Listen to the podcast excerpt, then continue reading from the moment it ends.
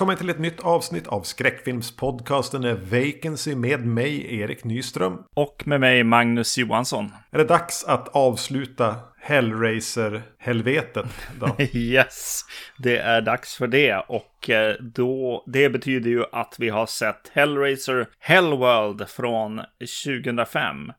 Hellraiser Revelations från 2011. Hellraiser Judgment från 2018 och Hellraiser från 2022. Hade du sett någon av de här tidigare? Hellraiser hade jag sett. Jaså minsann. Yes. Du kunde inte låta bli Nej. när du fick höra att den var på, på G. Exakt. Vilket kon, vilken konstig val. Ja, det, jag, jag eh, hamnade framför ett så här, hej jag har några filmer. Och så bara, ja men den här vill jag se. Ja. Det var på en, på en semester hos någon. Hos någon som hade en... Ett utbud. No, ja. Fulutbud helt enkelt. Är det någon boll vi borde plocka upp från de två tidigare avsnitten? Ja, alltså jag skulle ordna en drink, en Hellraiser-drink. Eh, Ja, just det. eh, och då, vi, då har jag eh, googlat, så det finns ju en Hellraiser-drink. Men eh, den hann jag ju inte shoppa till och sådär, förbereda mig med. Så jag tänkte mer, ja men Hellraiser, det lär ju vara en shot av något slag. Ja. Men jag hade inga, inga, inget så här virke till den. Så det är eh, allt jag hade. Eh, jag tänker att det är lite whisky, det är lite rom och det är lite O.P. Andersson snaps. Och det kallar vi för en Hellraiser. Det är en Hellraiser, Eller ja. en, en Deader. en deader, ja just det, precis. Ja, men skål då. Ja, skål. Jag har ingen själv, men... Ska du, hur många sådana där ska du dricka under avsnittet? Ja, exakt. Nej, det blir ett. Ja, En för varje gång vi säger Pinhead. Som sh- shot så funkar den alldeles utmärkt. Vi fick lite återkoppling efter första avsnittet eh, kring eh, en, en lyssnare hörde av sig om eh, lite grann det vi, det vi resonerade där. Varför känns filmen så, så konservativ? Varför känns den som att den... va- Var står den egentligen? Vad är tonen? Vad vill den? Och den, den lyssnaren var väl inne lite grann på det, det jag någonstans ändå anade att, att nej, Clive Barker är ju ingen frikyrkopastor som hatar utsvävningar. Han identifierar sig ju själv egentligen med cenobiterna. Just det. Mm. Jag kan ju förstå lite tanken med det. Men det är någonting med att tonen blir så spretig. Och att Cenobiterna alltid är ganska platta bad guys. Ja. Jag ska inte komma in på det nu. Men det är någonting med att, att idén är någonstans bättre.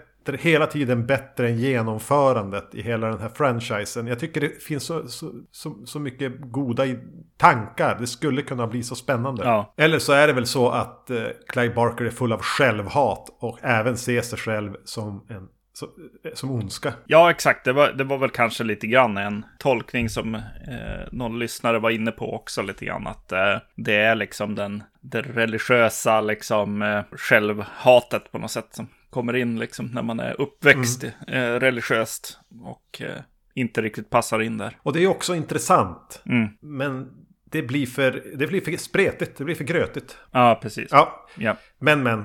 Ska se om, om, om allting kanske reder upp sig i, i de här fyra filmerna vi har framför oss nu. ja, exakt. Där den första då är Hellworld från 2005. Den tredje i, på rad regisserat av Rick Boda. Den avslutande delen i Hellraiser Rick Boda-trilogin. Som jag inte tror finns, men... Nej.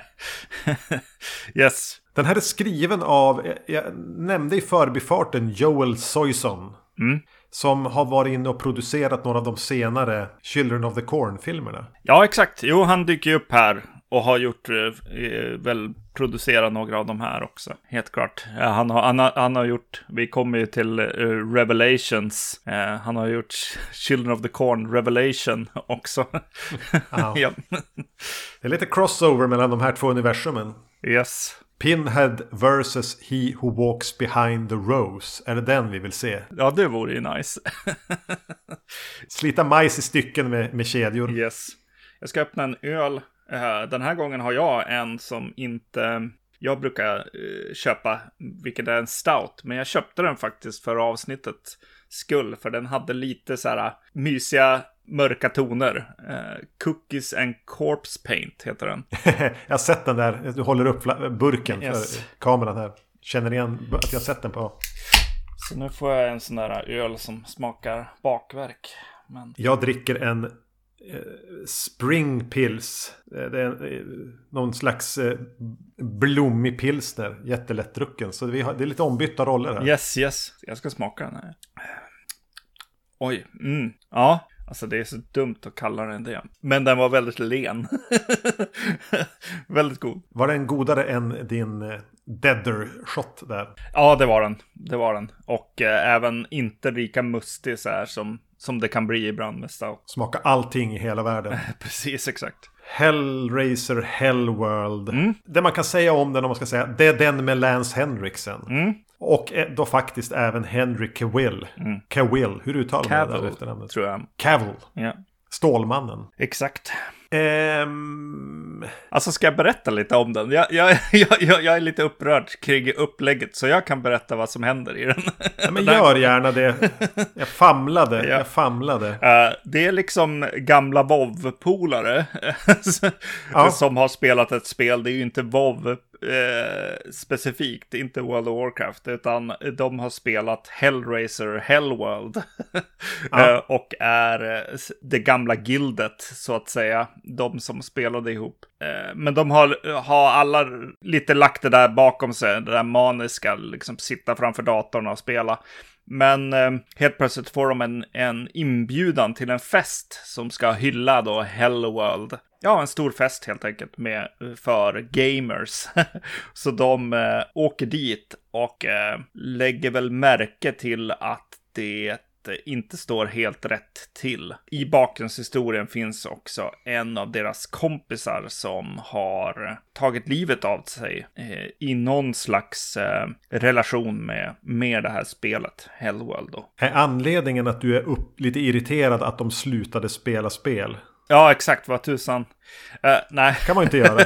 nej, men det... Får inte svika ditt guild. Ja, nej, men det känns ju, det känns ju lite så här, varför är det inte eh, droger eller någonting som de har hållit på med, utan bara, bara spel, så att säga. Det hade kunnat vara precis vad som helst. Ja, exakt. Jo, ja. Det här är väl, alltså majoriteten av de här filmerna vi har pratat om nu, alltså efter Bloodline, är väl mycket troligt så att manuset egentligen var någonting annat. Men att man har eh, skohorna in eh, någon koppling till, till Hellraiser där.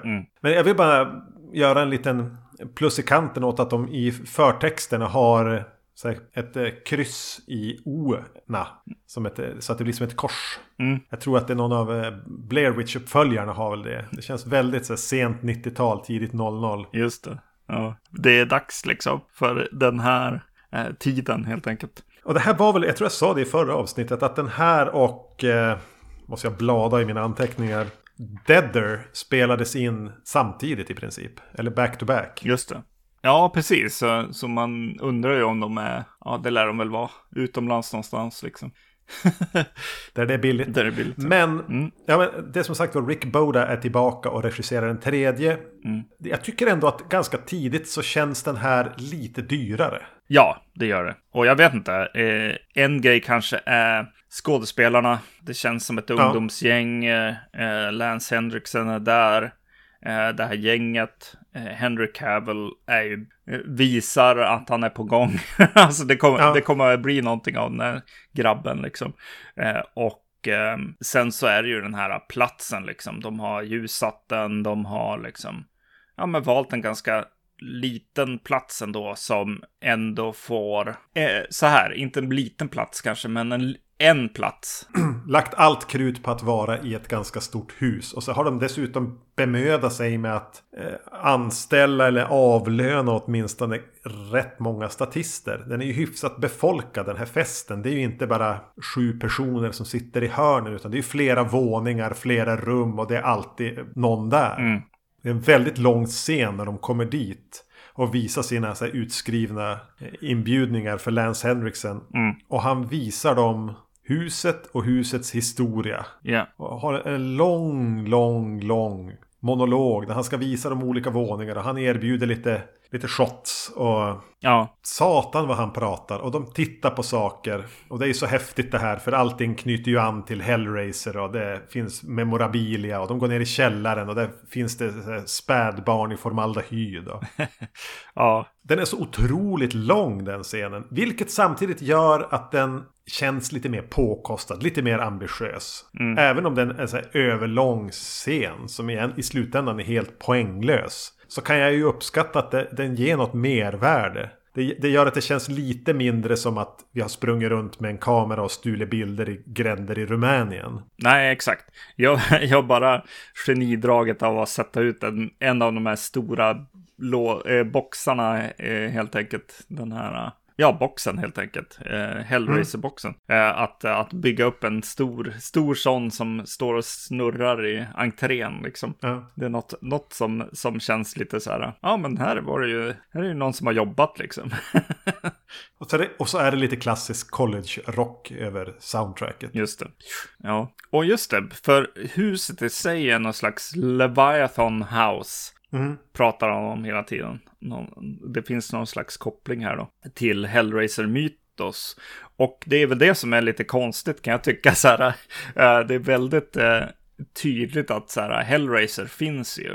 Eh, själva mytosen och allting. Och jag tror inte riktigt att det kommer från spelet, utan spelet är också baserat på Hellraiser-mytos. Ja, Och, eh, men Henry Cavill kan komma tidigt i, i filmen och, och skrämma sin kompis med en sån här, den här tandhackaren, liksom, mask på sig, eh, som ser precis ut som i första filmen, liksom. Det är som att filmerna också finns, liksom, samtidigt som... Precis, är den här någon så här väldigt mumligt formulerad scream-kommentar till, till eh, resten av eh, ja, men de tidigare filmerna? Ja, precis, jo.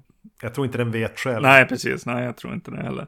Den har även några inspirerade detaljer. Att, att på den här festen verkar de dela ut vita gipsmasker som man ska ha på sig. Japp, Eh, om det är för att dölja att all, samma skådisar, samma statister är med i varenda jädra rum. Eh, må vara, men det, det ger ju en viss eh, känsla. Och de tar av och på maskerna och fäller upp dem. Och, Mm. eh, som ett litet visuellt trick. Ja, precis. Jag, ty jag tyckte om eh, maskerna, men insåg snabbt att så här, ja, men helt plötsligt så måste de hela tiden ta av och på dem, för de är så intetsägande liksom. Ja. Så det blev lite, lite, lite bra, lite dåligt helt enkelt. Sen känns det som att det känns som en film som eh, finns i så, så universumet. Mm, väldigt, ja, väldigt mycket så. Ja. Ja. Väldigt mycket så. Ja, precis. För, för allting är så här äh, smutsigt på samma sätt. Och så sen så, vet det, eh, när det ska bli mordsekvenser så ska folk eh, sättas fast i olika stolar och, eh, och olika mekanismer ska liksom döda dem. Vilket ju på ett sätt är Hellraiser också, men Ja, det finns ju ett märkligt släktskap mellan de två franchiserna som... Ja, den är ju inte andlig, men det, det är väl mycket eh, slita folk i stycken och hur Jigsaw och Pinhead på något vis blir någon slags utdelaren av ironiska bestraffningar. Mm. Och de skvätter till och med blod på kameran här vid ett tillfälle. just det. Mm. Hör det, hör det hemma i, i Hellraiser? Jag vet inte. Kanske inte. Nej. Sen handlar det mycket om att hitta på sätt som drabbar det här kompisgänget på festen. Får dem lite ensamma. Någonting står inte rätt till. Är det dröm? Är det mardröm? Är det verklighet? Vad pågår? Samtidigt som de envisas med att visa upp Nokia 3310 i bild hela tiden. Ja. Vilket ju daterar den till 2002. Mm. Ingen hade väl, alltså det var ju inte den, den, den häftiga telefonen du ville produktplacera 2005. Nej, just det. Nej. Undrar vad Nokia sa. Liksom, vi betalade ganska stora pengar till er för att ni skulle vifta med de här telefonerna. Sen lät ni filmjäveln ligga på hyllan i tre år så nu ser vi bara dumma ut. Just det. Ge oss tillbaka våra pengar. Japp. Ja, men alltså överlag så blir ju bara filmen lite scener med Lance Henriksen som orerar eh, och så sen lite gå omkring, flörta med folk, försöka få ligga liksom. Det är mycket det som, som gäller här och Henry Cavill eh, allra mest kanske springer runt Ja. och, och försöker få... Är lite douchey. Ja, han, han vill gärna se folks eh, puzzleboxes. Säger han bland annat. som, en, som en liten pick-up line. Det är en scen där när, när en av dem i det här gänget vandrar in i ett rum. Undrar om han har varit lite avskild först. Han vandrar in i ett rum där det försöker beställa en drink, får ingen drink. Eh, vandrar vidare, försöker få ögonkontakt med någon och säga någonting, misslyckas. Ställer sig och tittar på när några har sex helt, helt eh, bekymmerslöst inför alla andra och, och försöker som, men, äh, vad gör de? Gör de så här här? Han får ingen reaktion från någon. Vilket ju på något vis ska vara att han är han ens där är han osynlig. Ingen verkar kunna se honom. Mm. Men jag kände bara igen mig själv när jag är på sammanhang där det gäller att mingla. Ja. Jag lyckas sällan ens beställa en drink. yes. Men ja, vi spoilar ju allting och så här. Ja. Jag ska ändå säga att jag tyckte att det här var rätt kul att vara i. Ja, det finns ett... Det finns någonting här med... Och jag tror att det är hjälpt av skådespeleri och liksom by, ofta byte av platser och alltså det händer saker helt enkelt. Men det är typ det som jag känner. Den är ganska Och man ser inte hela tiden hur nödgat allt är bara att fylla ut speltid eller, mm. eller att det, nollbudgeten lyser inte igenom. Utan här är det ganska smart användande av en liten budget. Mm. Men kan du då förklara riktigt twisten? Det visar sig ju att, att Lance Henriksen är, ja spoiler spoiler som sagt. Mm. Han är pappa till den här tidigare kompisen som har då tagit livet av sig efter kanske för intensivt gamande eller vad det nu då var. Ja. Och ska ta sin hämnd på de här. Ja. Så om jag förstod det rätt så har aldrig varken huset eller festen existerat. Nej, exakt, just det. Ja. Har, han bara drogat ner dem och lagt dem, grävt ner dem? Eller var de på festen ett kort tag? drogades ner, grävdes ner i, en grop. Just det. Och hallucinerade allt som hände. Ja, ja, precis. Jo, de är ju där. De får ju drinkar och så, och så knock, knock yourself out, säger han. Och så bara, ja, ah, okej. Okay. Tänkte jag då.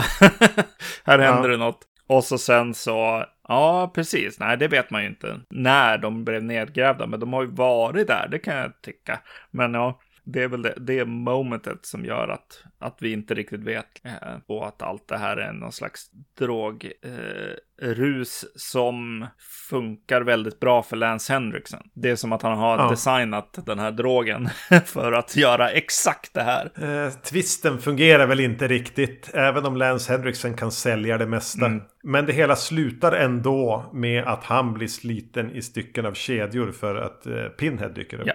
ja. Av någon anledning. Mm.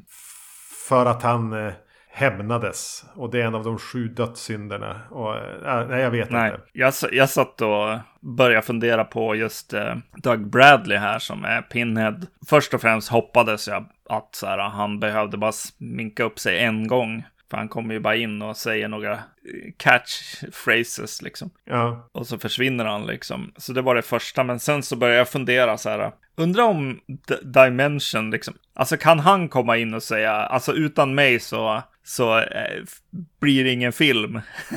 Eller är det Dimension som liksom säger ja, om du inte gör den här filmen så kastar vi om dig för alltid. Liksom. Vem har hållhaken på vem här? Det, det var lite det jag satt och funderade på en stund.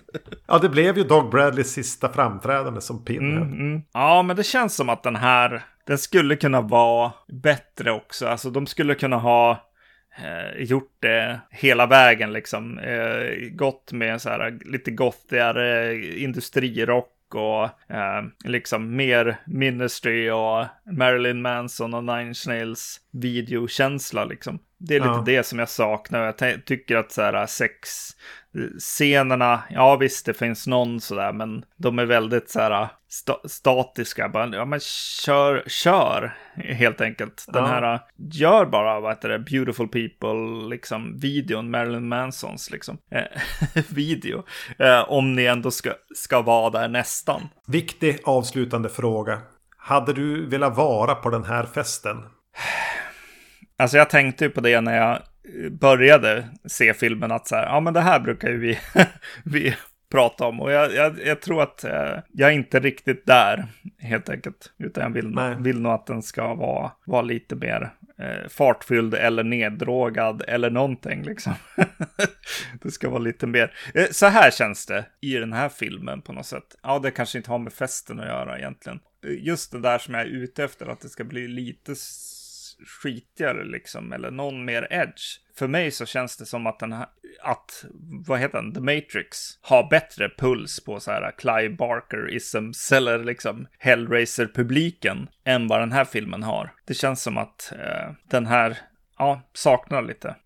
Man kan ana att det här egentligen var någon helt annan historia. Ja, jo, jo, det är väl klart. Men det visar sig säkert att det inte var det. Vem vet? Nej, nej exakt. Jag har inte, jag har inte gjort någon grundlig research på nej, det. Nej, inte jag heller. Men låt oss då se vad som hände när Dog Bradley inte fick eller ville vara med längre. Ja, precis. Det, det går ju några år här och sen kommer Revelations eh, 2011 då. Och eh, som du påpekar så har kanske den här filmen till och med, eller förra filmen då, legat på hyllan ett tag till och med. Så att det är mm. inte jättekonstigt att han inte är med här nu. Kan, nära nog tio år mellan de här filmerna egentligen. Ja.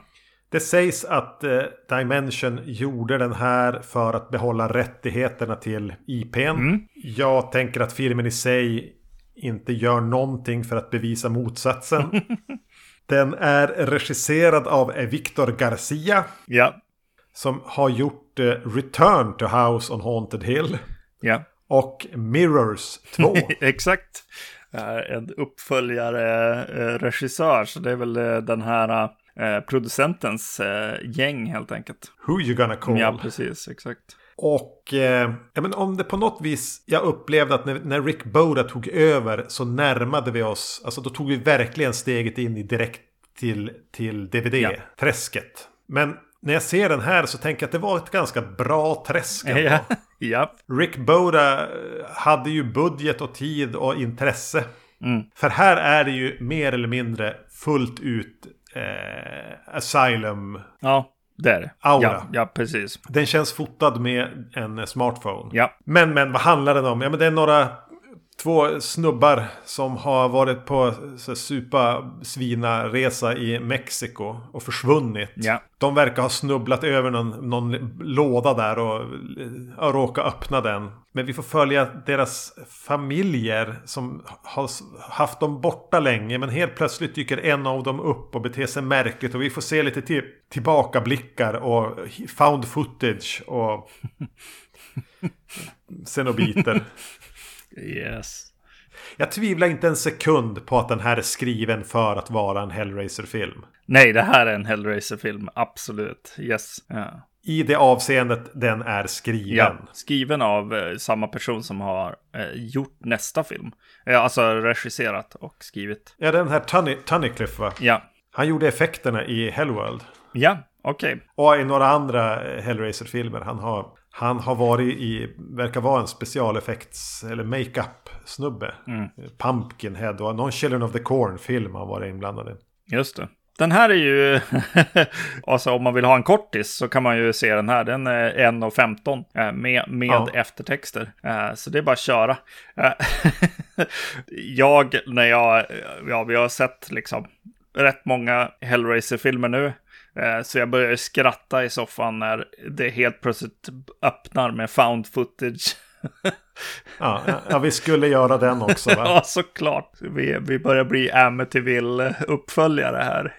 ja, sena Amityville, som yeah. sagt. Ja, verkligen. Men den, den börjar ju bara som found footage, ska vi säga. Ja, precis, exakt. Men frågan är, för sen klipper vi till de här familjerna som sitter och har någon middag i något eh, trist hus. Mm. Och det är någonting med hur stela och fula alla kamerasetups är där. Ja, de är... Inget sinne. Nej, de är helt ointresserade av, av att filma de scenerna. Det, det känns jättetråkigt. för det är mycket av eh, filmen är ju de scenerna liksom. Det är som att storyn är utfyllnad mellan scener av, av våld eller sex eller liksom eh, Me Mexiko-resan helt enkelt. Som, som ja. de är mycket mer intresserade av att, att berätta. De är i, i tillbakablickarna här till Mexiko på någon eh, så här sunkig bar. Det är den sämsta barscenerier jag sett. Alltså korrugerad plåt och folk som bara sitter rätt upp och ner. Ungefär fem personer. Och de försöker få det att framstå som mer. Men det är, det är platt och det är dött och det är usla statister. Mm. Jag tror den här var gjord på 11 dagar eller någonting. Ja, ja, alltså... Ja, precis. Alltså, visst det, det, är, det är svårt att prata Nej, om. Men, ja, precis. Nej, men... alltså, så här. Eh, jag, jag har en lite annan syn tror jag än dig. Eh, med just hur den är att se på. För jag, jag kom lite in i så här, ja det här är ju verkligen fult, det är inte bra. Men första gången som jag såg att så här, vänta, det här kommer nog bli någonting som tar tillbaks grejen med blodet och tar sig tillbaka till, till världen ja. och hela den eh, storylinen och så här, ja men man vet vart det ska liksom. Det är väldigt mycket fanfilm eh, det här. Ja, alltså på ett konstigt sätt så blev jag lite charmad av att så här, bara, vad, vad är det här? Först och främst så började jag titta så här, franchisen, är det här franchisen? Och eh, börja kolla på, eh, på IMDB och bara, ja det finns ju fanfilms eller kortfilmer. Och en del av de här mm. namnen som är med och gör de här filmerna är med i de uh, creditsarna också, om det är så här baserat på karaktärer eller om de faktiskt har varit inblandade i de här. Så det blir något, något väldigt mysko-känsla i i hur är den här gjord. Den är ju definitivt en fanfilm fast som blev en riktig film i serien på något sätt. Vi behöver ju ändå släppa någonting för att behålla rättigheterna, så varför inte den här? Nej, och så var det någonting med så här, det är en, en syster till en av dem som har försvunnit som också är flickvän med en av dem som har försvunnit. Så det, det är helt mm. enkelt hennes pojkvän och hennes bror som har, är borta när filmen börjar bli lite, ja, skum idé så fick jag så här, vad heter den, Amityville ja, tvåan vibbar också. Syskonkärlek. Jo. Så bara, det här är ju inte okej okay, liksom. Eh, och det är en fanfilm och de går över gränser och håller på. Eh, det var något, något så här charmigt med det. ja, men själva idén med att det, det är ju brorsan som kommer tillbaka. Mm. Men det är ju inte det, utan det är ju den extremt douchiga pojkvännen mm. som har blivit, ja men det, det, som händer med Frank i första Exakt. filmen. Och han har tvingat brorsan att mörda för honom så han har kommit tillbaks som ett sånt här blodigt, eh, mm. kletigt eh, äckel. Eh, och till slut har han ju även tagit brorsans hud och stapplar tillbaka till, till hemmet. Yeah. Ja, men det är väl lite fyndigt att återuppväcka den grejen. Det har vi inte sett sedan tvåan ändå. Nej, exakt. Det är nog... Här är den nionde installationen, visst. det är nog det liksom. Som, som är, är det som känns så här. Ja, ah, vad kul att göra en liten djupdykning i det som, som en fanfilm på något sätt. Eh, och göra det till, till något slags mysterium liksom som de ska lösa de här. Och så bara ah, om du hade sett originalet, då hade du vetat vad som skulle hända. De har till och med tagit med det här med en blodig madrass från andra filmen. Ja. Eh, men en, en så här berättarteknisk fråga, får man göra så? Är rubriken. Ja. När, när systern här sitter och hon hittar filmen som de har fått för den, kameran har kommit tillbaka till föräldrarna och hon eh, får tag i den och sitter och kollar på allt found footage material och så berättas delar av historien. Mm. Men medan hon gör det så klipper klipper det mellan, ja men hon sitter och tittar på det, vi får se det hon ser då. Men det är som att de inte har haft tilltro till att bara ha found footage, utan vi klipper även till faktiskt filmat material av det som händer brorsan och pojkvännen. Och, och, och det, blir, alltså, det blir ju en fråga om, om hon fantiserar det resten eller, ja. eller om hon ser det eller om vi får en, en faktisk flashback men inte hon. Det blir väldigt svårt att veta vad, vad som är vad. Eh, ja, men, men känslomässigt så verkar hon ju ha sett det vi såg. ja, det blir lite så här franska nya vågen med att, att, att leka med, med berättargrepp. Japp, japp. Eller så kände de att det här räcker inte, det blir för, det blir för otydligt, vi måste filma mer material också. Mm. Undrar varför den heter Revelations. Ja, men alltså det är ju en reveal i slutet. Och syr, eh, syrran eller flickvännen här, hon får ju massa, massa nya upplevelser. Nya upplevelser. och svar.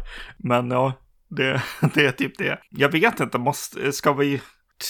Det är, en, det är en film som är ganska intresserad av specialeffekter, eh, känner jag. Och eh, de, de klipper gärna tillbaks till typ Pinhead som bara sitter och funderar någonstans. Eller liksom rör sig i ett rum. Och eh, väntar på någonting liksom. Han eh, är ju inte jättebra kan jag tycka. han heter Steven Smith Collins. Eh, var han det bästa de hittade verkligen? Ja, exakt. Och han är ju inte... eh, Det är inte han som pratar heller tror jag. Utan det finns en till, en voice actor som gör, gör rösten.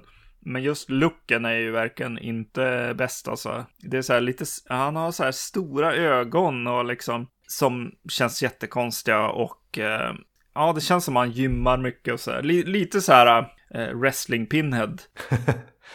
Han känns bara störig.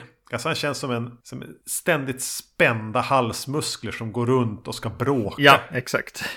Och som du säger, gymkillen. Nej, det är inte bra. Och så sen så blev jag förvirrad för det finns två pinheads eh, i filmen också. Men eh, jag förstod efterhand att ena är väl liksom en av de här grabb grabbarna som håller på Mm, att blir- bli, bli omgjord till cenobit eh, på något vis. Exakt, det där blev heller inte riktigt... Det var, ja, återigen grumligt. Men Mm. man har haft rätt bråttom när man har gjort den här filmen.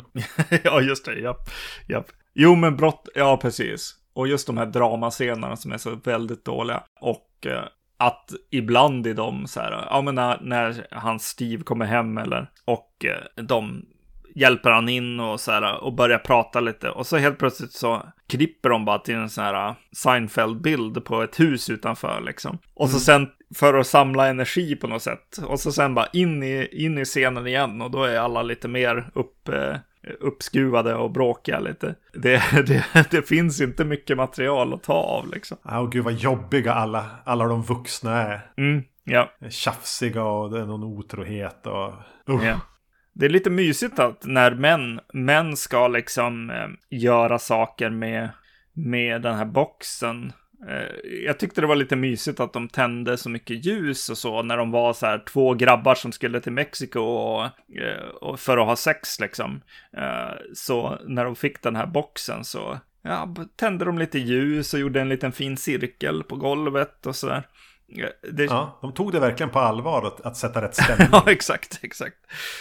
För att lösa en pu- pusselbox. Pinhead gastar på om the box hela tiden. You open the box. Ja. Pinhead låter inte sådär som jag lät nu. Men har han gjort det tidigare? Har han ens kallat det för the box?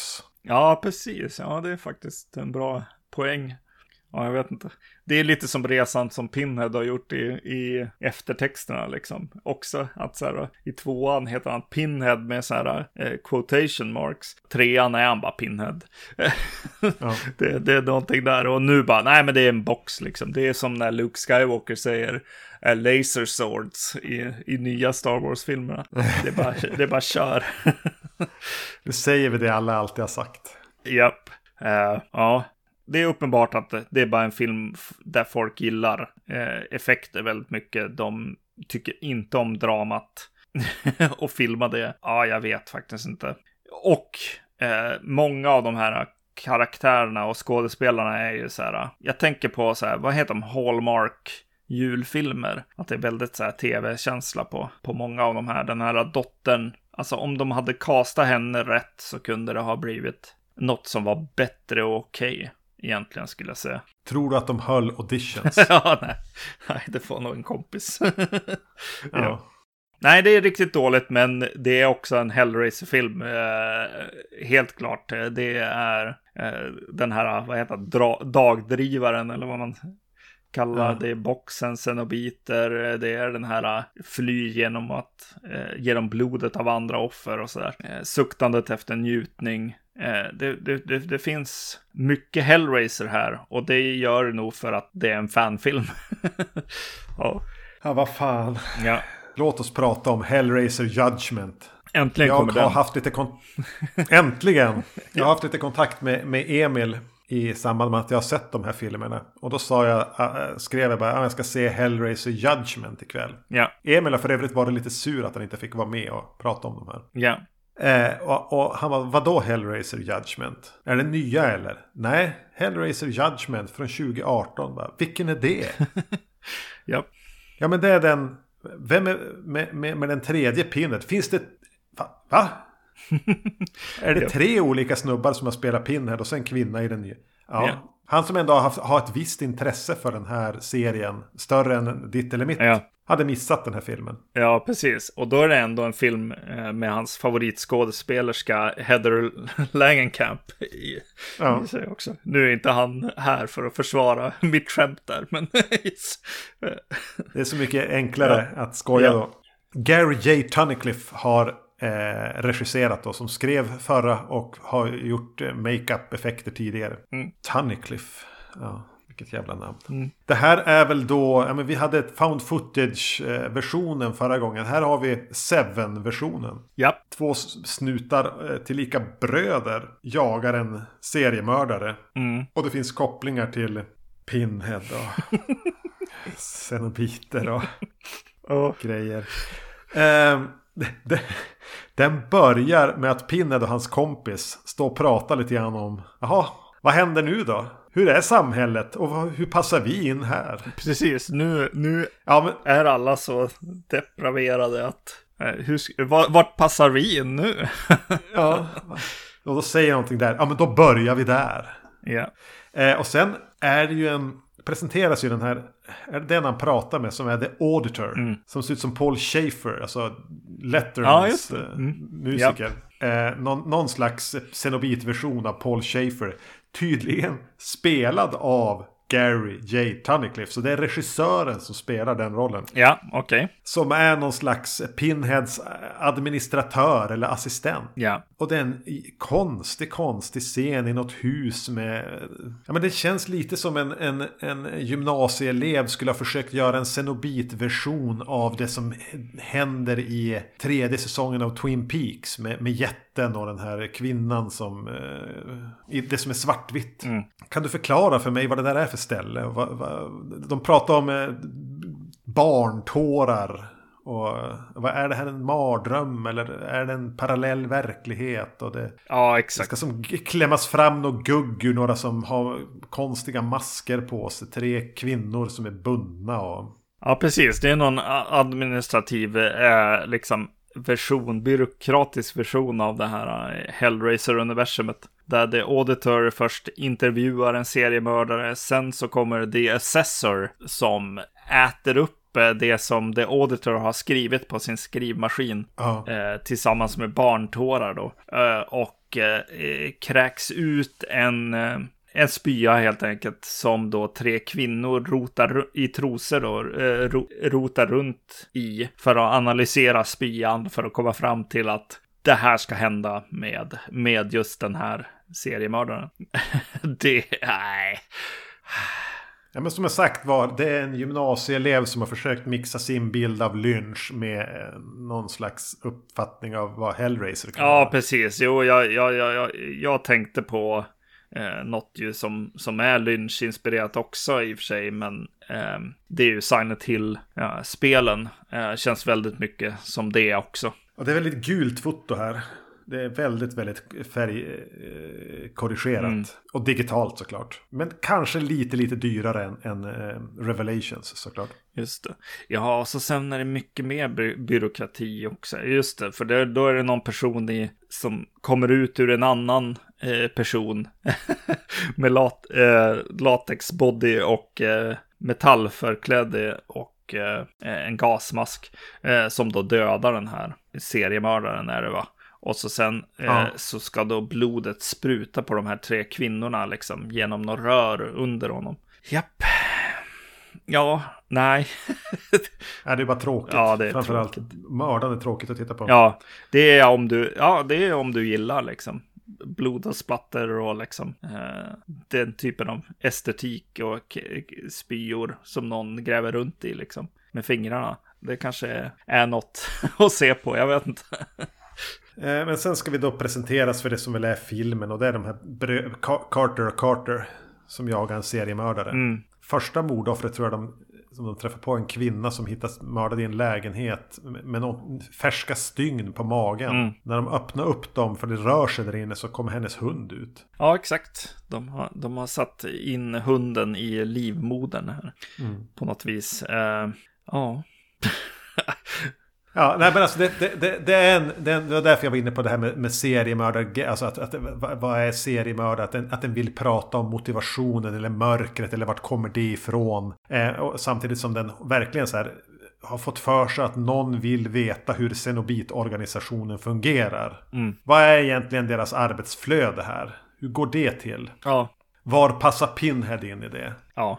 Alltså, det är en ny Pinhead där. Paul T. Taylor spelar Pinhead. Och vet du vad? Jag tycker att han är rätt bra. Ja, eh, eh, absolut. Man skulle kunna fortsätta med, med honom. Man skulle kunna ha bytt, bytt ut eh, Doug Bradley tidigare också om man hade velat. Eh, men men det, är en, Ja. det, det, är en, det är en ställföreträdare på något sätt. Han passar, han låter, låter och ser ut som Pinhead helt enkelt. Så ja, eh, det, det tycker jag. Han funkar ju. Jag tycker att, alltså hela den här filmen är ju just den där vad, vad är det äckligaste vi kan hitta på på något sätt? Och så sen eh, kommentera det på något sätt. Skruva till det. Kommentera det, skruva till det, göra det lite konstigt.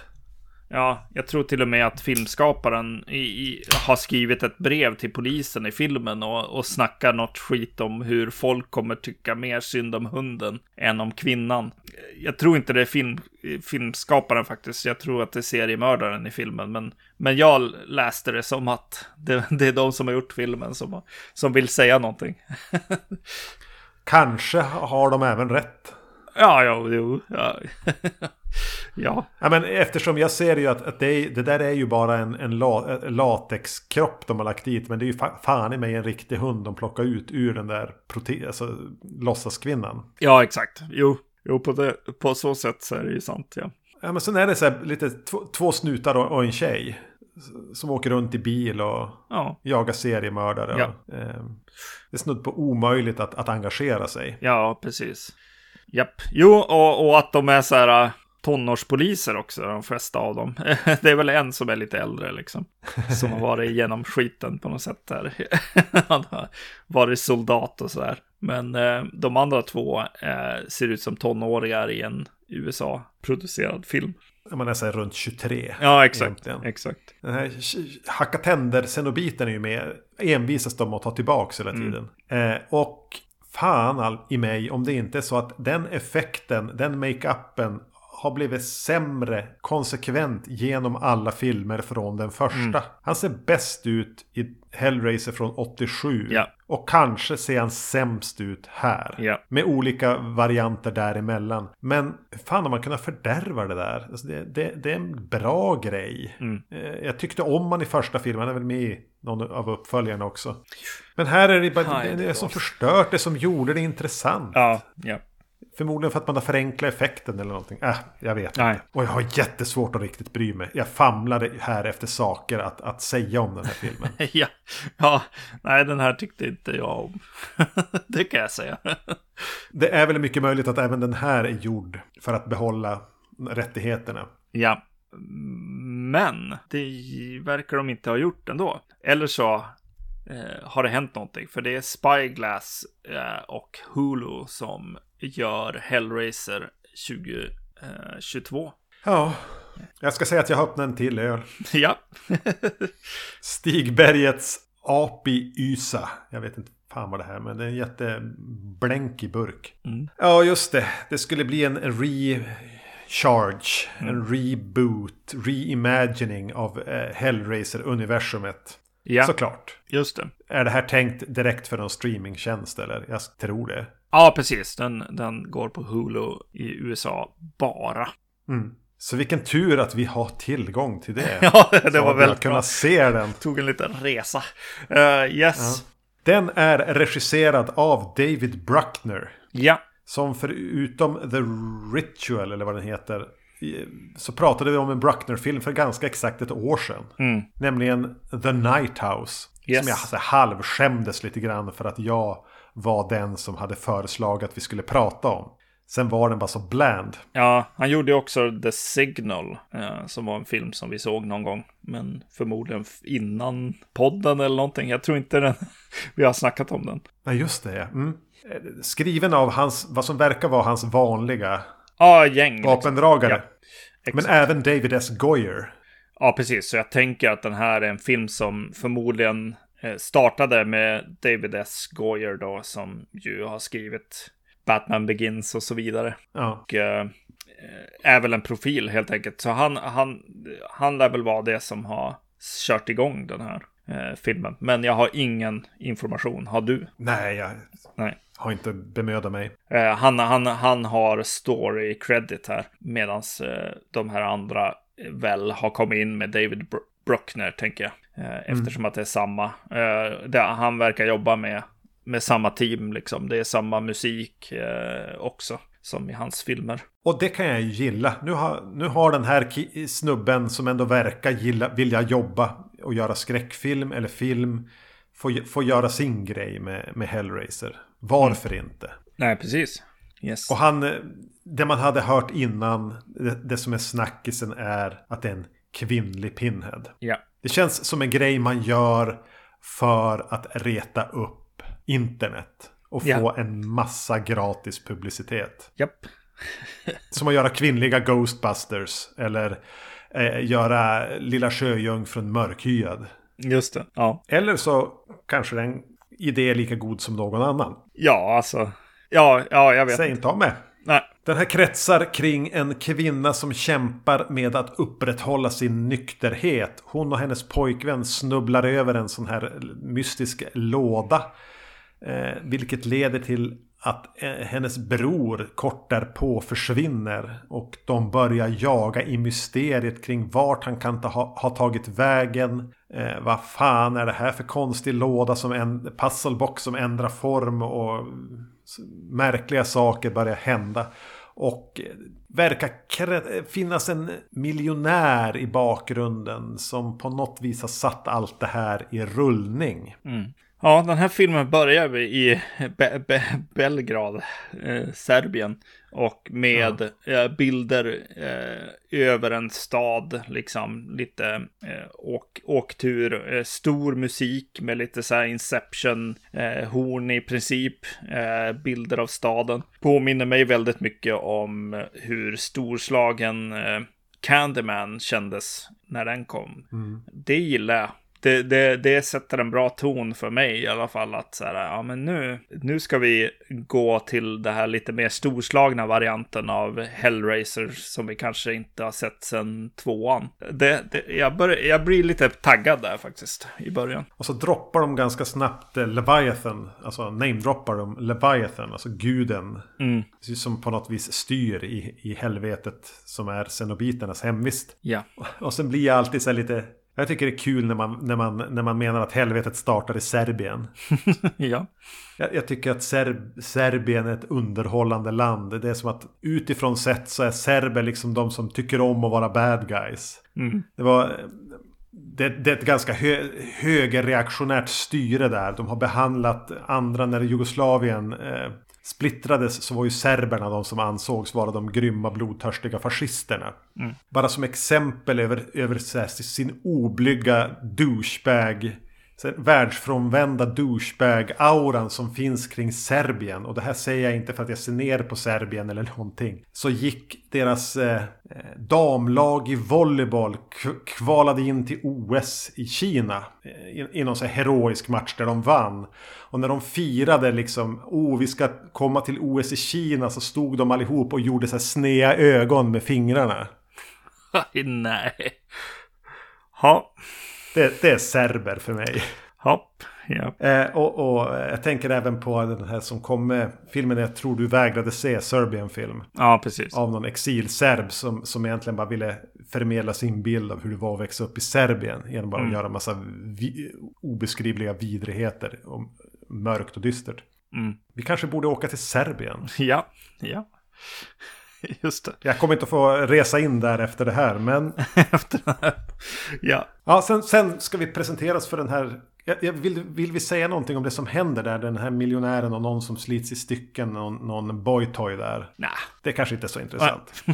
Utan vi ska, vi ska presenteras för den kvinnliga, väldigt, väldigt unga huvudrolls, huvudrollsinnehaverskan som försöker upprätthålla sin drogfrihet. Hon är nyss utifrån rehab, hon har en pojkvän, hon verkar bo hos sin bror. Ja. Vi får träffa ett gäng som direkt påminner mig om det här ganska odrägliga gänget i Candyman-remaken. Ja, just det, precis. Det måste vara ett mörk, en mörkhyad man som har en homosexuell relation med en, med en vit man. Mm. Det är tvång. Ja, Nu känner jag mig som en serb. just det, exakt. ja, Och jag är stolt över det. yes. Eh, nej men det känns lite skitnödigt. Alltså det ska vara... Ja men här, i den här filmen får alla vara med. Man får vara en, en ung drogfri tjej. Eh, kan, hon har naturligtvis en homosexuell snäll bror. Men, men eh, ett interracial couple-grej. Och det, det är säkert, eh, var säkert någon asiat med där också. Så att vi ska kunna visa att all, här är vi alla bröder. Mm. Jag känner inte att det, att det kommer från storyn. Det känns som en så här Svenska Filminstitutet säger. Men skulle ni inte kunna göra han mörkhyad så att vi... Mm. Det känns inte organiskt. Det känns, det känns som att det är så här man ska malla en film nu. eh, För att om man ska vara en liberal. Ja. Och då är jag hellre en serb. Just det. Ja. Jo, nej men så känns det ju. Eh, men men eh, för mig så är det så bara. Eh, ny, ny film ser ut så här liksom. Det är som eh, gammal eh, Xbox-reklam liksom. När, när folk ska... Eller Microsoft-reklam liksom. Hela, hela eh, kompisgänget är, är väldigt, väldigt eh, diverse helt enkelt. Ja, vad fan, jag såg... Jag, jag kanske det här för att jag sitter och är lite irriterad eh, av att jag såg Scream 6 igår. Ja. Och vi ska senare ikväll när vi spelar in det här ska vi spela in ett avsnitt tillsammans med Emil om Scream 6. Men där är det samma jävla skit. Ja. Eh, token Diverse Friend Mm. Group. Eh, Alltså jag är ledsen. Inga kompiskretsar är så jävla homogena och tråkiga och vidriga. så vill ni berätta en historia som utspelas i verkligheten som man ska kunna connecta till. Så även om det kanske är lite trist och eh, ganska tråkigt med fyra likadana dude bros. Mm. Så jag menar det är så verkligheten ser ut. Jag är ledsen. Ah, fy fan för nutiden. ja. ja. Länge lever Serbien. Ja. Eh, ja, men det gör ju att, att hela det här gänget blir så jävla störigt. Ja, Jag sitter ju och tycker illa om vad, vad, allihop. just det. Eller charmades du av den här eh, krullhåriga, eh, rehabade unga tjejen? Som ah, inte tar ett enda rätt beslut i hela filmen. Uh, jag, jag är nog på så här, ja men nu ser jag en modern sk- skräckfilm, det kommer vara så här. Jag tyckte nog, huh, jag vet faktiskt inte, jag tror jag bara ser, ser så här mycket film. det, det brukar se ut så här. Helt enkelt, jag vet inte. Jag tänkte inte, inte jättemycket på det, förutom kanske med cenobiterna, att så här, ja men här har de gjort annorlunda liksom. Även cenobiterna är diverse. Ja, precis. Jo, även där kommer det. Så, så den står kanske i kontrast till, till resten av serien, helt klart. Eh, med det. Eh, mm. Jag tror att den här serien har alldeles för många män eh, som huvudroller. Jag gillar ju skräckfilm som har kvinnor i huvudrollen. Det är de jag, jag, är, jag är van att följa, helt enkelt, och vara med. Jag släpar oss rätt igenom rätt många trista män i ett par filmer nu. Ja. Eh, jo, men ja, jag, jag, jag, den här klicken går bara inte att relatera till. Nej, det kanske inte Fan vad jag tycker illa om dem. Ja, Men ja, de har ju valt att ta sig lite friheter med boxen. Mm. De har grottat in sig i mytoset. Vad går att göra med den? Ja. Vad betyder de här förändringarna de gör? Och här är det ju som att den går genom sju steg. Eller vad det nu är. Eller ett antal olika configurations. Som varje kräver sitt offer. Ja. Typ. Ja. Och när du har genomfört de här stegen lyckas de ju nysta sig till så är det egentligen då kommer anden i, la, anden i lampan där. Mm. Det var ju som jämfört Pinhead lite grann med Wishmaster eller Jigsaw och eh, All, Aladdins ande. Ja. Eh, och, och den här tar ju lite fasta på det. Men den grottar ner sig i det att man ska vrida om den på vissa sätt och det kommer ut en krok och den får vara lite de har byggt en helt ny. Ganska, jag, jag, tycker om det. Jag gillar att de går in. Ja, men vad kan vi utforska? Men vi, vi, vi har kvar Leviathan. Och, men vad, vad är syftet med att man håller på och vrider på den här boxen egentligen? Och, och går det att göra mer med det? Ja. Man har tagit den bollen och sprungit lite grann med. Mm. Och det är inte dumt. Nej, det är faktiskt vad jag, eh, vad jag gillar med den här filmen och att det kan vara en bra nutida liksom, version av, av serien på något sätt. Att, att eh, nya tittare kan komma in här och eh, ha rätt kul med just den här Ja, men vad är alla de här stegen? Vad betyder de och så vidare? Eh, den är ju eh, det jag kan kan vara mer så här, kanske mer arg, arg på än diversity eh, aspekten här är kanske hur rädd filmbranschen nu är för i nutid liksom för att inte över Eh, förklara eller liksom eh, jag måste både visa och jag måste berätta. Eh, så det, det, det, där är, är jag mer kanske irriterad på den här filmen att så här, de gör allt rätt bildligt, liksom. Ja, men de visar att saker händer och någon försvinner och så vidare. Men det måste komma in någon och säga Åh, jag tror att när jag rörde i lådan så, så öppnades någonting och så vet du, försvann min bror. Lite, lite så liksom känns det som att den hela tiden är otrygg, eller det är väl egentligen filmbranschen i, i allmänhet, att den är otrygg med att vi som, som eh, tittare kan eh, dra slutsatser överhuvudtaget utifrån att titta på en bild som presenteras eller ett händelseförlopp. Det tycker jag är, är det som sticker ut eh, allra mest för mig i den här filmen. Och det sagt så tycker jag att det är mysigt att eh, gå in så väldigt mycket i den här eh, mytosen och särskilt som en slags punktering här på att ha sett alla filmerna. Eh, så det är ganska kul med någon som bara, så här hänger det ihop på något sätt. Även om det, om det ja. inte är så egentligen i, i resten av, av serien så får man lite mer lore och världsbyggande. Och jag, jag tror att jag gillade i den här eh, filmserien när det görs helt enkelt. Men det är inte dumt när de, när de expanderar universumet och på något vis vill jag ändå ge alla filmer i, i den här serien lite cred för att faktiskt med jämna mellanrum gör nedslag i Hellraiser-universum, plocka in lore, utforska en del av det. Mm. Där den här nog kanske då är det som gör det friskast med mest energi, mm. frisk luft i, i, i systemet. Mm. Eh, vad den vill göra. Sen, sen hamnar den i ett läge med det här odrägliga jävla gänget. Att de ska egentligen bara ut och, och eh, snubbla sig igenom ett parti som känns väldigt mycket asiatisk skräck. Ja. Man, man ska följa ledtrådar, det blir en liten detektivhistoria. Mm. Eh, och då är jag ändå där i tanken, var det här det bästa ni kunde komma på för att leda det dit ni vill? Ja, Nej, jag, jag, ville bara säga att det är någonting lite halvtrött över det. Det finns ingen riktig fräschör över berättandet där. Nej. Utan det är lite, ja men vi gör väl en Mirrors-grej.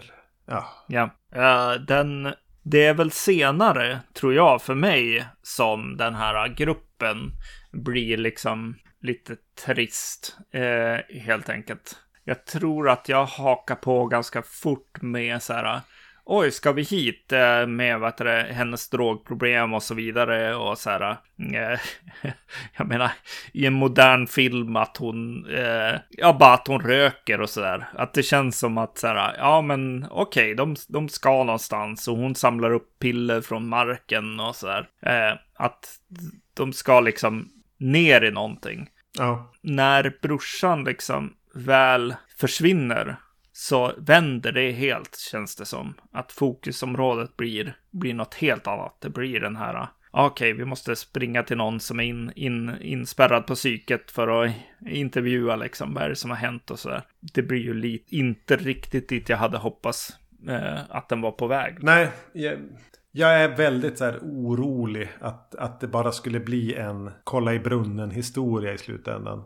Men Mm. Sen kommer de till det här huset som den här excentriska miljonären verkar ha byggt som nästan ett tempel för allting vad det här går ut ja. på. Och återigen så jag, kommer jag på mig själv med att gå lite förlorad i, i, i design. Bara att det är kul att, att det påminner lite grann om eh, boxen och att det är som det här gallret utanpå ett hus. Och det, det verkar vara dammigt och övergivet och de, de utforskar Mm. det. Ja, och då börjar ju xenobiterna dyka upp också. Just det. Ja, jag kommer inte ihåg vilken ordning det riktigt, var, men just, just den här... ja, ja, när det blir så här världsbygge och, och så, och man ser också i huset att så här, ja men det här är ju någonting, det har ju definitivt kopplingar till allt det här. Jag kan tycka att en del av lore-dump-delarna också är kul, alltså jag skulle nog tänka mig att jag kunde, om jag hade gillat den här serien mer så hade jag nog varit lite sur på lore-dumpen som hon gör när hon hittar någon slags bok som hon börjar så här läsa och det verkligen syns att så bara, ja ah, men den här är de olika configurationsarna liksom och så här.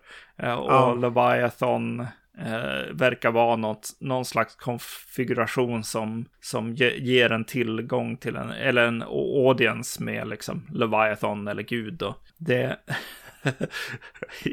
jag, jag, jag, jag, jag myste lite då. Jag, jag bara, ja, Ja. fan.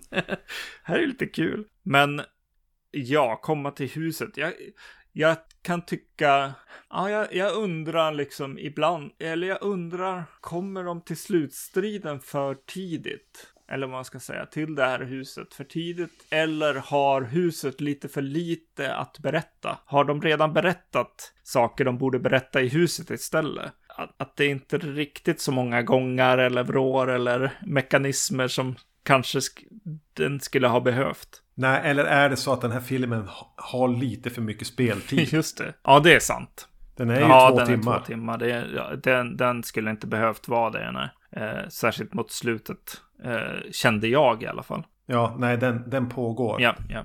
Eh, det hade gått att tajta till det här Mm. ordentligt. Men, ah, ja. Ja, men vad fan, vi pratar lite om xenobiterna då istället.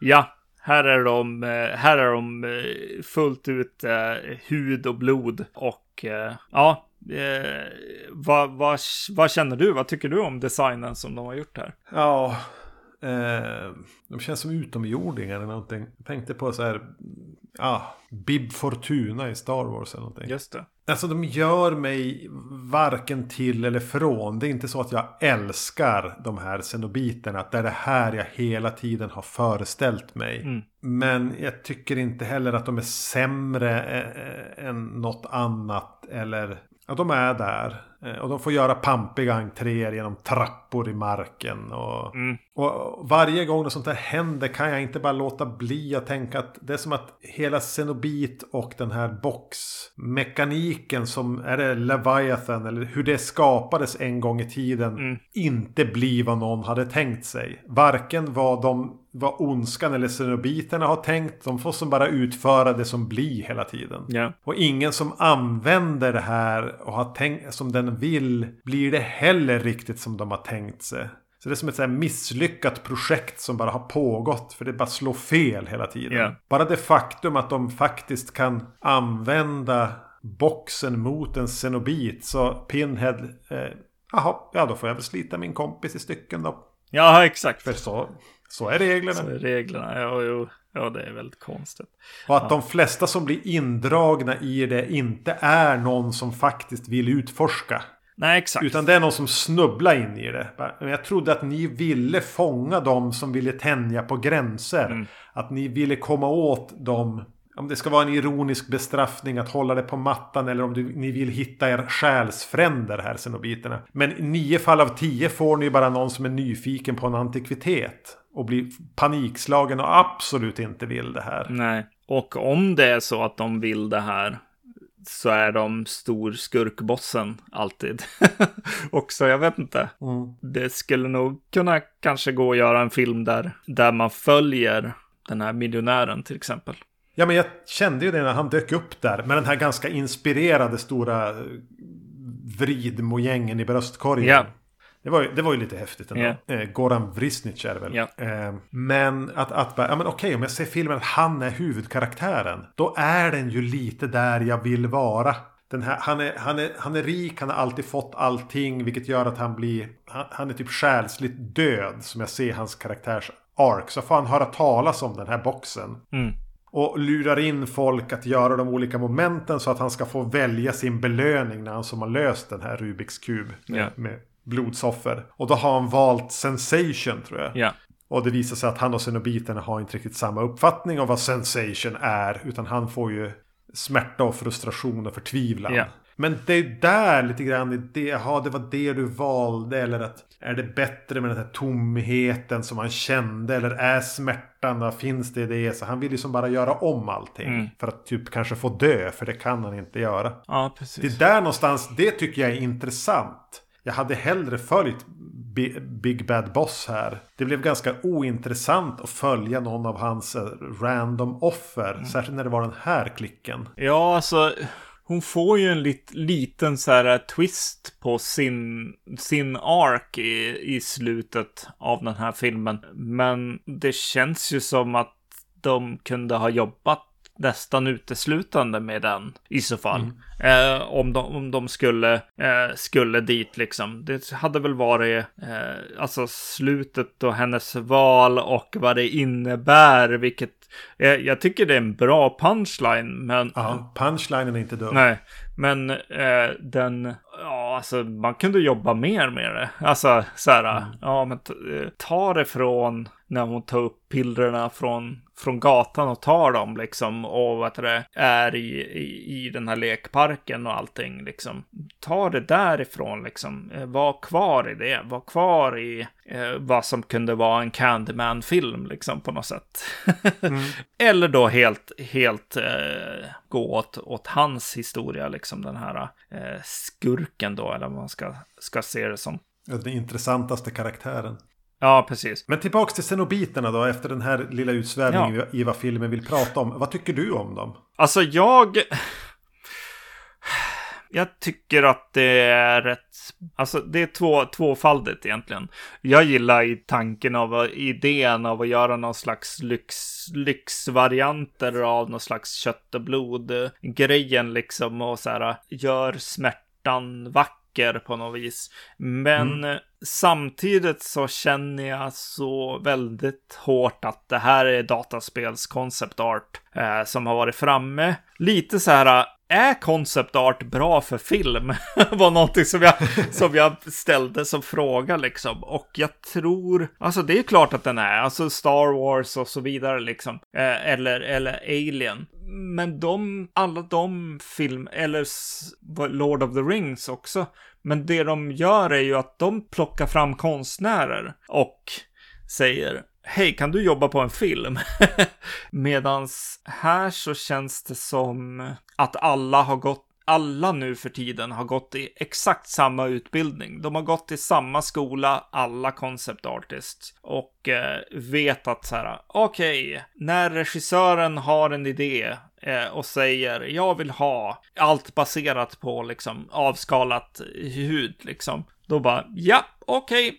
Eh, och i och för sig lite metall har han också som Eh, s- så vill han ha in där liksom. Eh, och lite så här nästan sexleksaker eller någonting liksom. Och så bara, ja, kör. Och så bara, ja, då blir det exakt det här. Eh, vilken concept artist du än sätter på det känns det som. Det känns som en film som inte har inte har sökt upp så här, åh, jag älskar den här konstnärens liksom uttryck. Vi gör en film kring det. Eh, Det är en känsla jag har bara. Men Bruckner, eh, om man ska titta på The Night House och, och, och de jag har sett eh, den här Ritual eller vad den heter med, med engelsmännen i svenska sko skogen. Mm. Han har inga bra visuella idéer.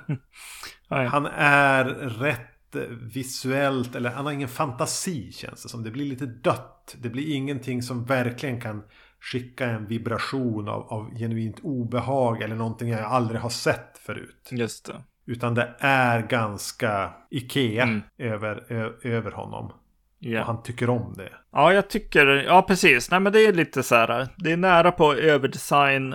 Och det är, det är egentligen i vissa shots också. Alltså hur Pinhead står utanför. När eh, hon, eh, huvudrollen, går ut och blir omringad av dem. De bilderna är så här bara, okej, här är det någon, någon som har valt bilder. Någon som har ritat de här långt före vi filmar dem. Det, ja, men det är snudd på överdesignat, men jag tycker nog samtidigt att det funkar i kontexten här. Eh, Smärta och njutning och hela den grejen. Och tack och lov så har filmen också den här konstiga fönstret i taket. Ja, just det. Mm. Som känns eh, mycket mer eh, 90 eller 80-taligt liksom. Och byggt och lite så här tafatt eh, ihopklistrat liksom.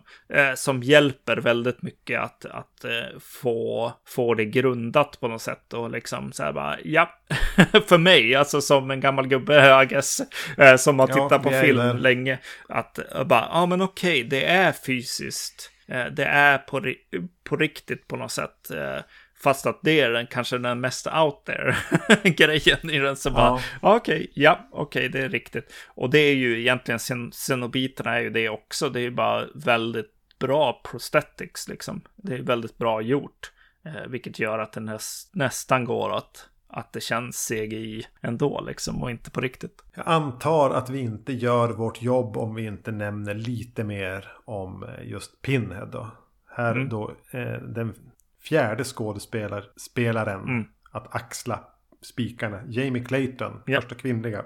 Jag tyckte inte det här var varken bättre eller sämre. Kanske mer bättre utifrån att här fick jag åtminstone en pinhead som hade koll på läget. Exakt. Mm. Som inte var där för att bli, göra en dålig deal. Eh, ha svårt att förstå. Eller bara kväka ur sig citat. Nej, exakt. Utan här fick jag ändå känslan av någon som vet vad den håller på med. Ja. Som inte alltid är steget efter den random idiot som just har råkat vrida på lådan. Nej, exakt. Nej, jag, nej, jag tycker om, om Pinhead här. Absolut. Jag tycker det är, det är bra. Kanske mycket det du säger också. Att så här, Ja, men vi fick ingen så här klumpig Pinhead eh, här. Och höll på att snacka lite för mycket fortfarande som Pinhead gör. Det kändes okej okay, i alla fall.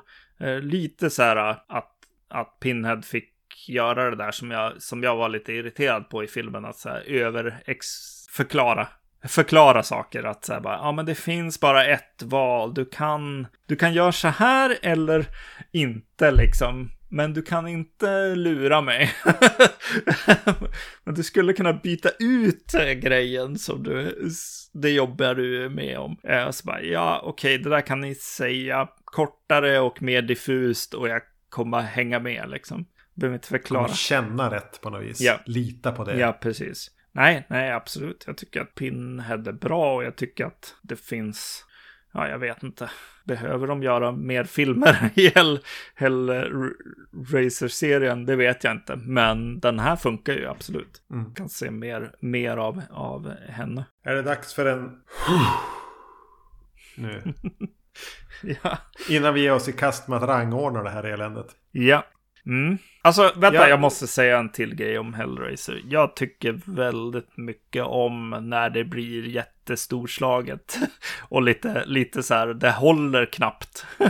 och det är Nej. när man börjar se Leviathan och det, eller vad det nu är. Och det kommer in liksom stora eh, shots med någon labyrint och grejer och man bara jajamän, nu, det här är, det här är bra. Ja, jag gillar också när den greppar om, om, om det stora. Yeah. Utan att riktigt få, få ta, lyckas hålla, hålla i det. Men skit yeah. i det.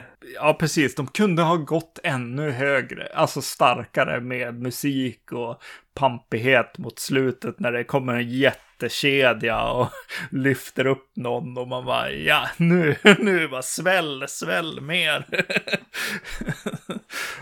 Och på tal om kedjorna, då gör jag en sista kommentar också mm. innan vi ger oss in på rangordningen. Och jag tycker att de använder kedjorna bra. Här, ja. här, här, har man ändå nyttjat där vi är med effekter och, och så nu. Att Pinhead och, eller Cenobiterna drar fast någon i kedjan och låter dem bara hänga där. Och, och sliter och vrider i dem innan de slits sönder. Mm. Ja. Tydligen behövde jag det. Ja, ja. När vi spelade in uh, Children of the Corn för, för ett år sedan ungefär. Uh, så rangordnade vi även då. Mm. Jag minns att när vi skulle göra det så skulle du börja. Och då började du med den du hade som bäst. Ja. mm. Så jag hoppas att du har förberett en lista som går i andra vägen den här gången. Det har jag gjort. Och eftersom jag minns det så vet ju jag att du började. Så ja. borde alltså jag börja nu. Just det. Köper du mitt, logiken i mitt resonemang. Ja, alltså jag hatar det här momentet. Jag hatar att rangordna saker och, och framförallt sätta ut det på någon jävla internet. Eh, att bara, ja men den här tycker jag är bättre än den här. Varje gång vi ska göra det så, så ogillar jag det och så känner jag att vi kommer bli ovänner nu. Men det, Mm. det får vi se. Det här kan vara det sista avsnittet av Vacancy. Japp, japp. Men jag har svårt att tänka mig att det skulle ske just kring Hellraiser med tanke på hur lite jag bryr mig om någon av de här filmerna. Ja. Jo, det är definitivt så. Ja, det var svårt det här, det måste jag väl säga. Mm. Eh, Men, men L, plats nummer 11, den sämsta filmen i Hellraiser-universumet, satte jag Hellraiser Revelations. Just det. Ja, nej, det har inte jag gjort. Eh, Nej, nej. nej. För det, det är inte ens en film. Nej, just det. Okej. Nej, jag, nej, jag tror att jag jajvade lite bättre med den med den som fan, fanfilm. Eh, jag har eh, lagt Hellraiser Judgment där. Anade det. Eh, väldigt mycket så här, ja, gillar du blod och äckel? Ja, visst. Gillar du Hellraiser? Nej. och gillar du film? Nej.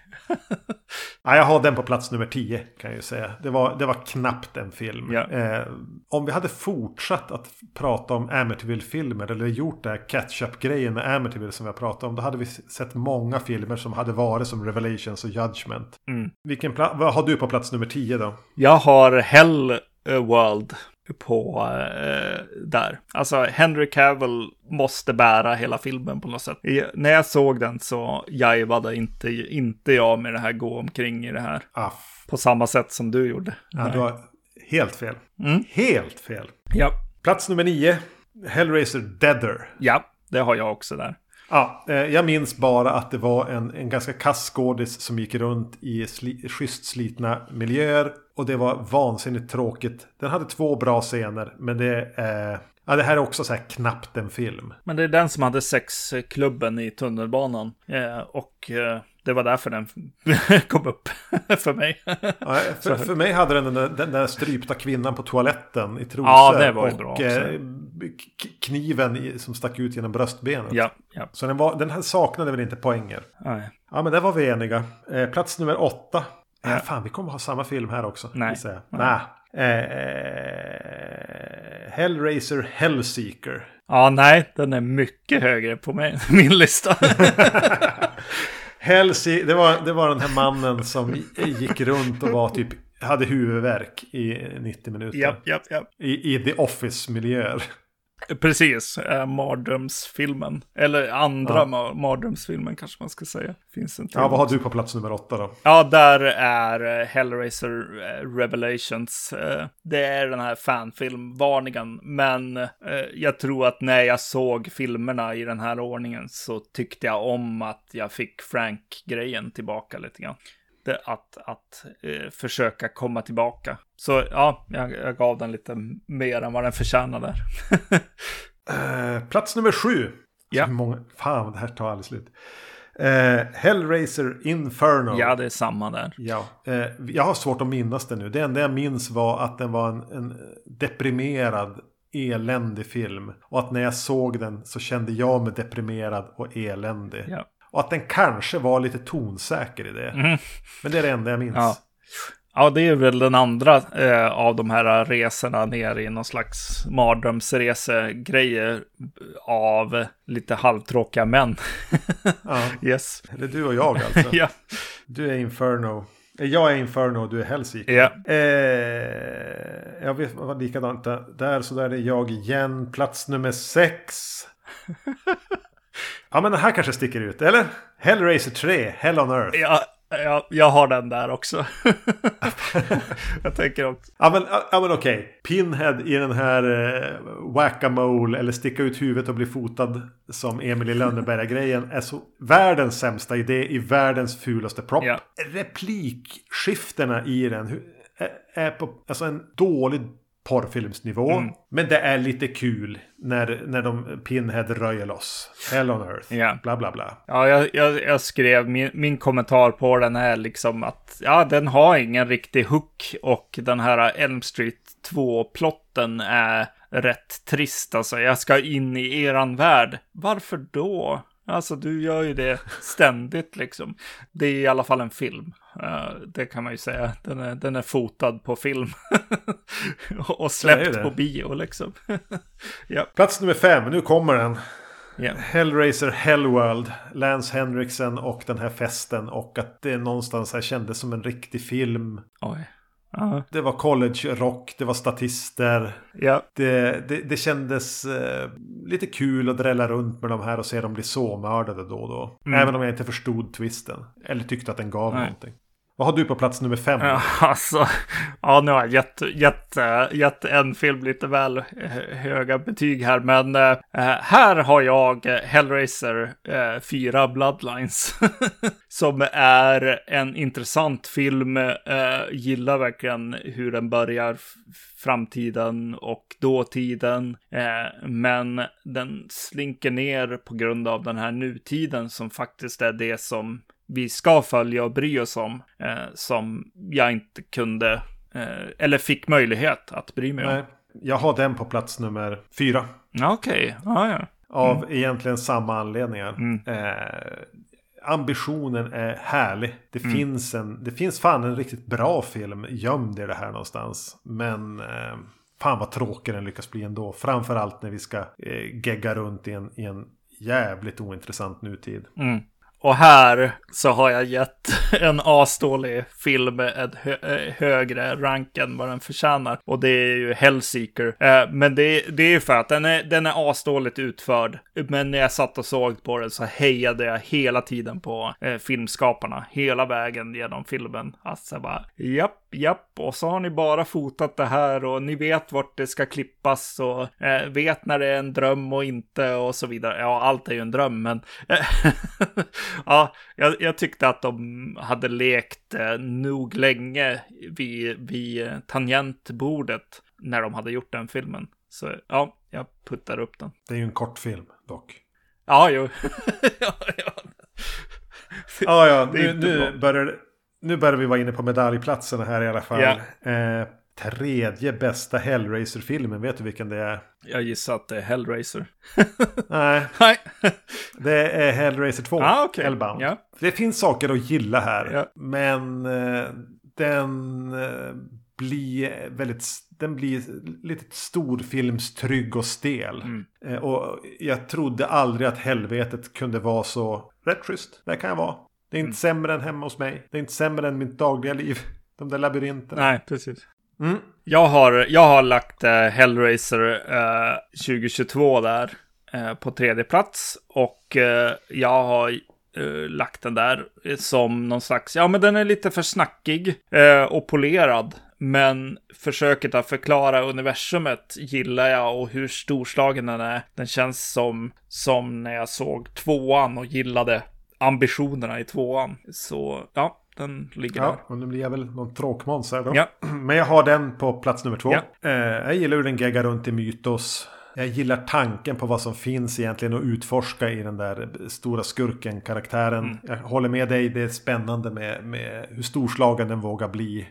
Mm. Eh, och punchlinen kring hennes val i slutet är lite fyndig. Ja. Vad har mm. du på andra plats då? På andra plats har jag Trots eh, att, ja, det är fan nära här. Men jag har Hellbound eh, Hellraiser 2 där. Det som jag har skrivit som kommentar är det här är Hellraisers Elm Street 3 och eh, fredagen den 13 4. Eh, det är eh, när den har hittat eh, vad en Hellraiser-film skulle var, liksom om den fortsatte mm. som en serie eh, av filmer som Elm Street och Fredag den 13. Det är liksom den här eh, som man slår igång när man ska visa någon vad Hellraiser handlar om. Eh, då känner jag att man skulle slå igång Hellraiser 2. Och det är ju universumet och eh, hur stor den vågar vara liksom. Och eh, de här konstiga vandringarna i den här labyrinten liksom. Jag, jag tycker att det är mysigt liksom. Ja, kanske. vi, har samma film, vi har samma film på första plats i alla fall. Yeah. Vi är båda överens om att originalet är den bästa Hellraiser-filmen. Yeah. Och för mig är det, när jag tänker tillbaks på den nu ett tag sedan. jag såg den men, men den har en, en kaotisk ostyr, lite punkig energi i sin spretighet. Även om det även är, hör till svagheterna. Den får en ruffig eh, Eurotrash-vibb. Mm. Den är full av idéer yeah. som i sig är väldigt intressanta även om de inte riktigt verkställs. Och det är väl det som eh, jag nämnde i början här av avsnittet att idén med Hellraiser är alltid bättre än något resultat. Mm. Än har den inte gjorts den film som faktiskt lyckas göra något med, med stoffet som finns här. Ja, men... Och den här Ashley Lawrence, visst heter hon så? Hon är bra hur man aldrig riktigt får till samma liksom skevhet i liksom konstiga kärlekshistorier och liksom läskigheten i Franks historia och Franks bakgrundshistoria. Att ja, men Eurotrash, I guess, och sleazy-biten liksom i resten av serien gör ju att ja, man saknar det. Eh, så att det är definitivt en Ja, men gör du resan som vi just har, har gjort och se alla, alla filmerna i rad, eh, då kommer du ju börja luta mer och mer åt att den här,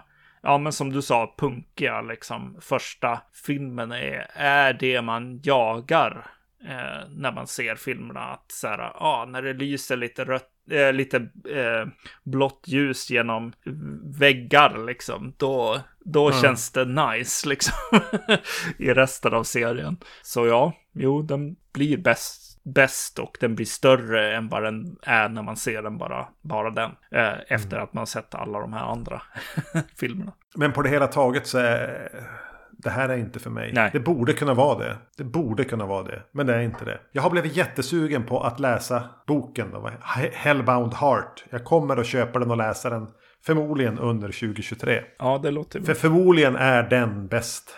Jo, alltså det... Ja. ja, nej, nej, men som du säger, liksom, jag, borde, jag borde gilla det här. Men det är någonting som står i vägen, helt klart. Jag tror det som står i vägen är att det är inte bra. Nej, det är inte bra helt enkelt. ja, nej, så är det. En, en, nej, precis. En Skinny Puppy-skiva är mycket bättre än det här. så...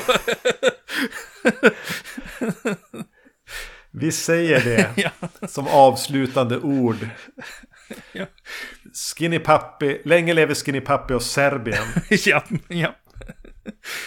Eh, det har varit ändå kul att vi fick li lite respons eh, efter första avsnittet. Mm. Eh, när vi spelar in det här har vi inte hunnit kabla ut avsnitt två. Men vi lyssnar ju gärna på vad ni tycker om Hellraiser-serien. Vad vi har fattat fel, vad vi har förstått rätt. Mm. Och kanske har just ni den här favoriten av alla de här elva filmerna. Som eh, på något vis kom åt någonting hos er. Kanske är det ändå Hellraiser Inferno. ja, exakt. Kanske. Ja. Vi finns eh, på Facebook. Kan ni skriva om det? Eh, man kan kontakta oss på podcastartvacancy.se eller på Instagram. Eh, Erknym heter jag och du heter Zombie-Magnus. Yes. Valde jag att fylla i nu för att jag såg hur du tog en stor klunk av någon ale. Yep. Är det några sista ord du vill ge våra lyssnare? Nej, nej. det är bra nu. Ha det bra. Hej. Hej.